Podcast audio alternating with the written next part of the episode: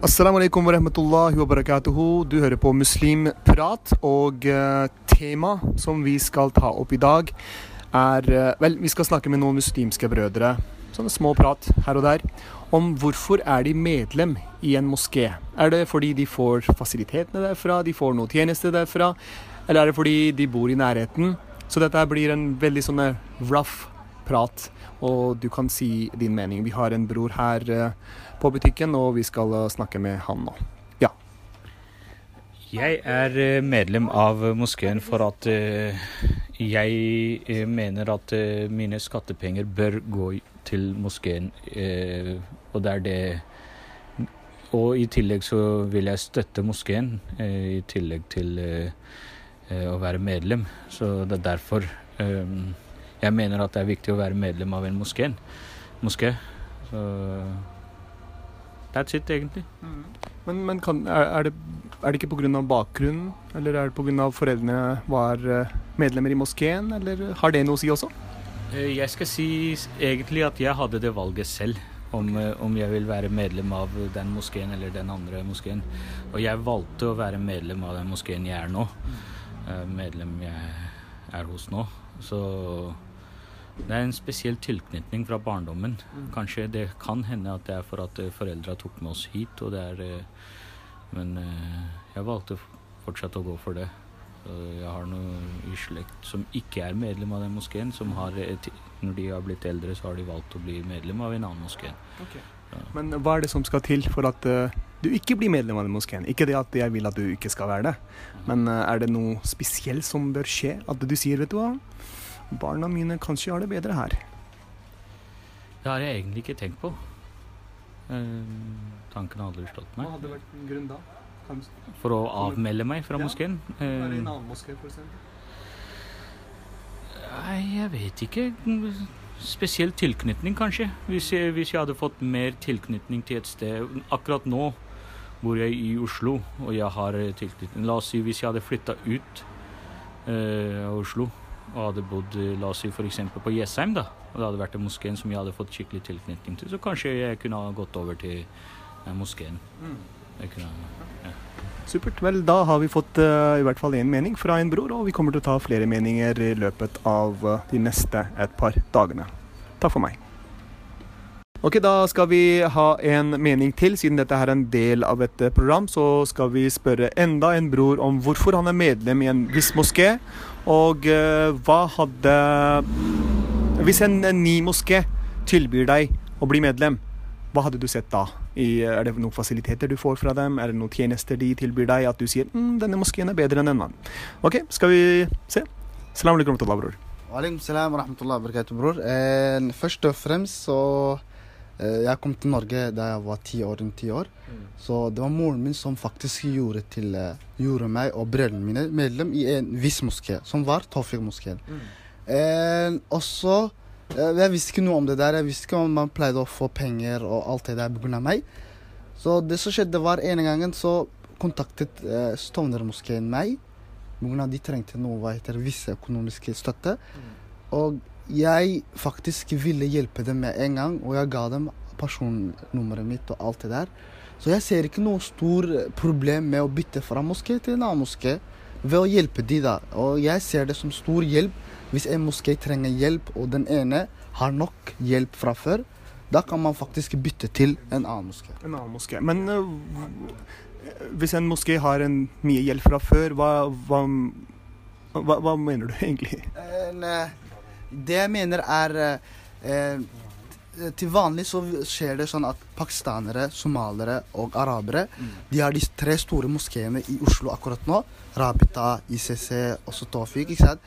Så, og så ser du flere andre moskeer som er eh, rundt de, da, på en måte. Og de har ikke så mange medlemmer. Så la oss si jeg er f.eks. Tofik. Eh, eh, og de har allerede mange medlemmer fra før. De får masse støtte fra staten.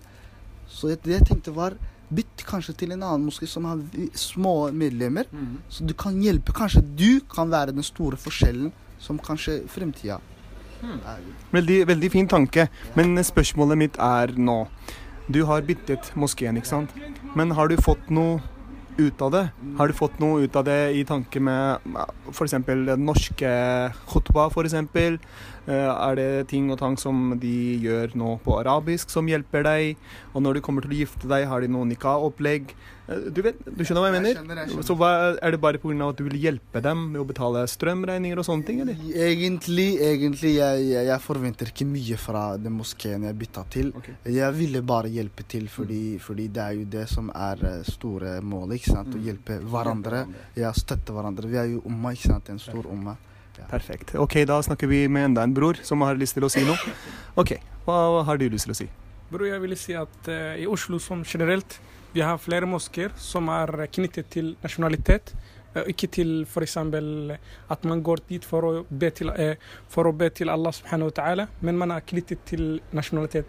Man hører f.eks. pakistanske moské, somaliske moské, og jeg tror det er dårlige ting. Fordi det skal være at umma skal være én. Og det skal ikke være for eksempel knyttet til nasjonalitet. Så jeg håper at vi kan bli, for, eh, bli bedre for eh, at moskeene skal ikke knyttes til, eh, til nasjonalitet. Ok, mashallah. Veldig bra. Men hvis du er medlem i en moské, hva skal en annen moské gjøre for å få deg inn? Nå skal jeg ikke det på en sånn måte at de prøver å kapre deg ut, men hva er det du ser som du ser en liste over ting. Jeg snakket med en eh, konvertittbror, og han sa grunnen til at jeg skal velge en moské, er at hvis de tilbyr en norsk khutba, hvis de tilbyr en sånne nikah-tjenester, hvis de tilbyr en sånne hjelpetjenester, hvis imamen er tilgjengelig når jeg trenger han, og sånne ting. Er det noe oss muslimer, født muslimer, tenker på også, eller tror du at han hadde en veldig fin ting å si? Jeg syns han hadde veldig bra ting å, å si. Fordi man må først ha noe som man forstår. Språk er viktig fordi hvis du går til khutba. For det er bedre at man, er, man går til et sted som man forstår khutba. For eksempel hvis du går til somalisk moské og du forstår ingenting, så det er, du har ikke fått med deg hva som skjer i moskeen.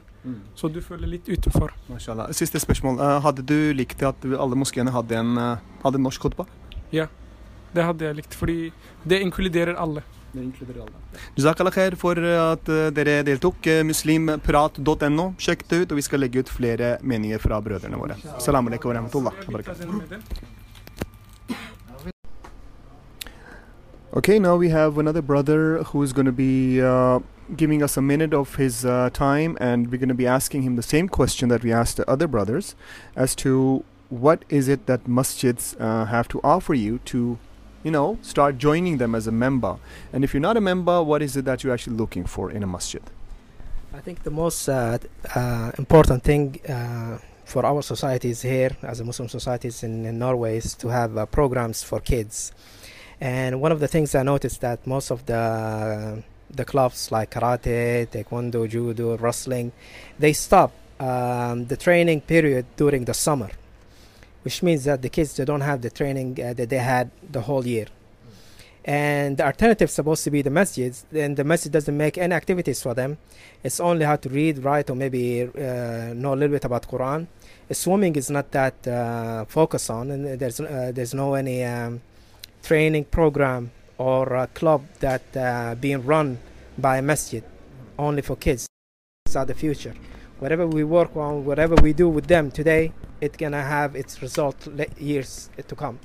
So um, I hope that the masjids here in, in Norway focus a little bit more about uh, after school programs for kids and also summer programs for uh, for kids just like the church and what other people are doing so they can keep their kids active year around instead of sitting at home playing games eating bad food and uh, not doing anything So, um, in so you mean in one way that uh, is it the masjids who are responsible for not coming up with a plan, or do you think parents should be involved as well? I, I, somehow. I think the masjid first of all supposed to take the initiative to take Mhm. the first step Mm. and then the, everybody will follow because it's, it's kind of hard for the, uh, a person uh, to create an organization when there's an organization already in place Mm. the masjid is an organization they have members but they don't have much ideas one of the good ideas will be to invest in our kids this is Mm. the future that we have in this country uh, after school programs that will help them with their education um, and uh, help the families Mm. most of the families having a problem because they don't have much time for the kids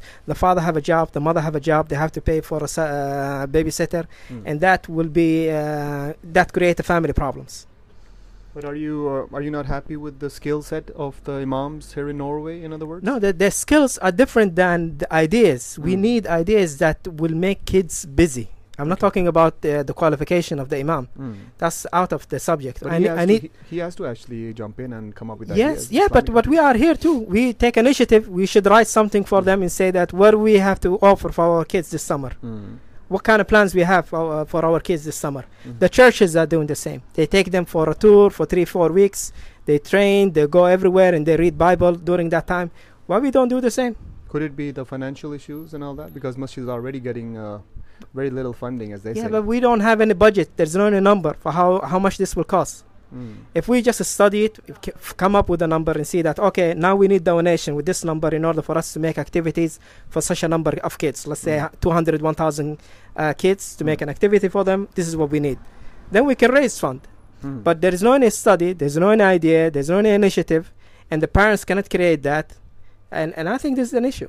It is. It is. It's, it's very important because most people we've spoken to have actually come to the point that they have put their kids first in order to decide if yes, the masjid is yes. going to be If you ha- if you have all the kids becoming a member, the family will follow and become a member Mm.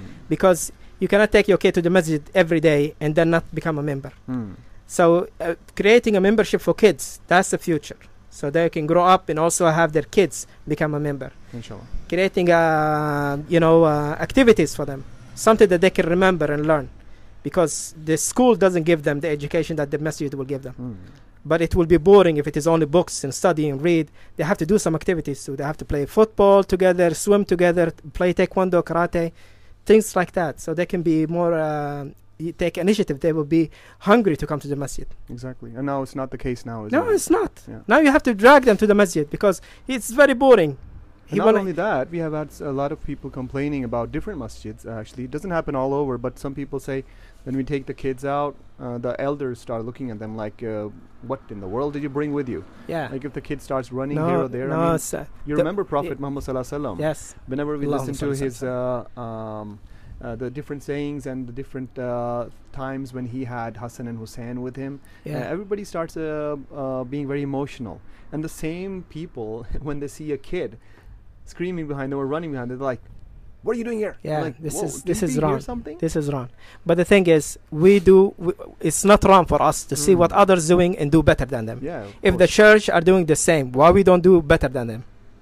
If all the others uh, temples and other things taking care of their own kids, why we don't do the same? Mm. And then we say, "Why are kids uh, ending up elsewhere?" Yes, you are forcing him to do, go to the masjid because he doesn't like it, because it's boring, because there's no program for them. Mm. Read and writing, he, something he can learn if he have initiative at home.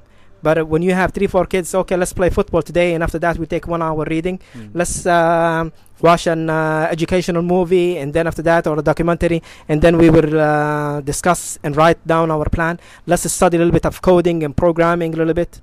We should have a different programs every summer, Mm. and we should have new teachers who are qualified. There are millions of people here who are qualified who don't have jobs, Mhm. That's true. from economy to business to IT to everything. They can volunteer to work in the masjid because they are Muslim. Just And- one question, actually, brother. Uh, should masajid actually have a kind of a barrier as to only Muslims uh, uh, should be coming in uh, to teach them some kind of new skills or No, if if project? if an un-Muslim gonna come and teach in a masjid, Mm. it's supposed to be on under a supervision of a Muslim Mm. because you cannot bring someone who's let's say uh, atheist to teach people about religion Mm. and No, say that- religion. and say that we are uh, equal and we are uh, you know there's no any we are not racist against anybody. That, that's Yeah. that's true. Yeah. But an atheist gonna teach me about God. I mean projects. I mean project like learning Yes. from their experiences. Yeah, that why not? If someone who's atheist is good in in uh, coding and programming, Mm. he could teach, but i there's supposed to be some kind of Some kind of supervision. limits, of course. some kind of supervision above him so he won't do something different. Mm. But we are not related only to one community because we don't live in a Muslim country. So we have to work together. We have to work together, but the masjid have a big responsibility because he take the first step Exactly. and everybody follows. So last question is once again, uh, are those things something that are going to be making you join uh, masjid? Now I'm saying joining because not just because it's a, some kind of fan club or something, but is that something that's going to be the key factor Yes, for you yes. to Of- support of a masjid? course, of course. Because they care for your kids. yes, because I will tell you something. If you are attractive, everything around you will be you will be a magnet for everything. But uh, in order to make the masjid become like a magnet, it has to be attractive for kids. True. Why the kids pull their uh, families to go and see a Disney movie? You know, because the, the the cinema create an attractive place that will bring kids a joy. We need to make the same thing in the masjid. True. It's not only to go there and pray and read Quran, but also to have an activities to create a community, to create love for education, uh, uh, moral standards as, a- as a Muslim. All this you learn from there because this, the school doesn't teach you this. School There's not- teaching a lot of no, other things. No, yeah, but the school doesn't teach you the moral standards as a Muslim. Mm. That's the masjid's job. But the masjid cannot do that alone too. The family need to be involved. And believe me, if this thing work and if the masjid have many activities after school in summer, uh, in Ramadan and Eid and all that, if they have activities, it can solve many problems there also. It can solve it can solve it can solve many family problems Of course. related to time and uh, issues between uh, father and mother and kids. All this can be sorted out. Of course. Lots of things that we actually talk about with the kids, uh, they end up getting totally different ideas from the school. Like uh, some kids that we have another topic coming up about uh, the Pride Parade, which has been very active, and uh, how some organizations have full access to your kid and my kid in uh, nurseries and schools. They have been uh, given totally access. They can come in anytime they want and talk about showing them a documentary about things and all that. So that's the nonsense that's happening. Yes, it's uh, it's like a brainwash. Yeah. You know, and it's uh, not being accepted even in the U.S. But the thing is, uh, We just have to do our job at least. you have to teach them. You know, teaching the moral standards to Muslim kids is Mm. our uh, our responsibility as Muslims. Absolutely. When we fail, other people will win. Absolutely. Simple as that. Thank you very much, brother. Most Thank you very much for your time. Jazakallah.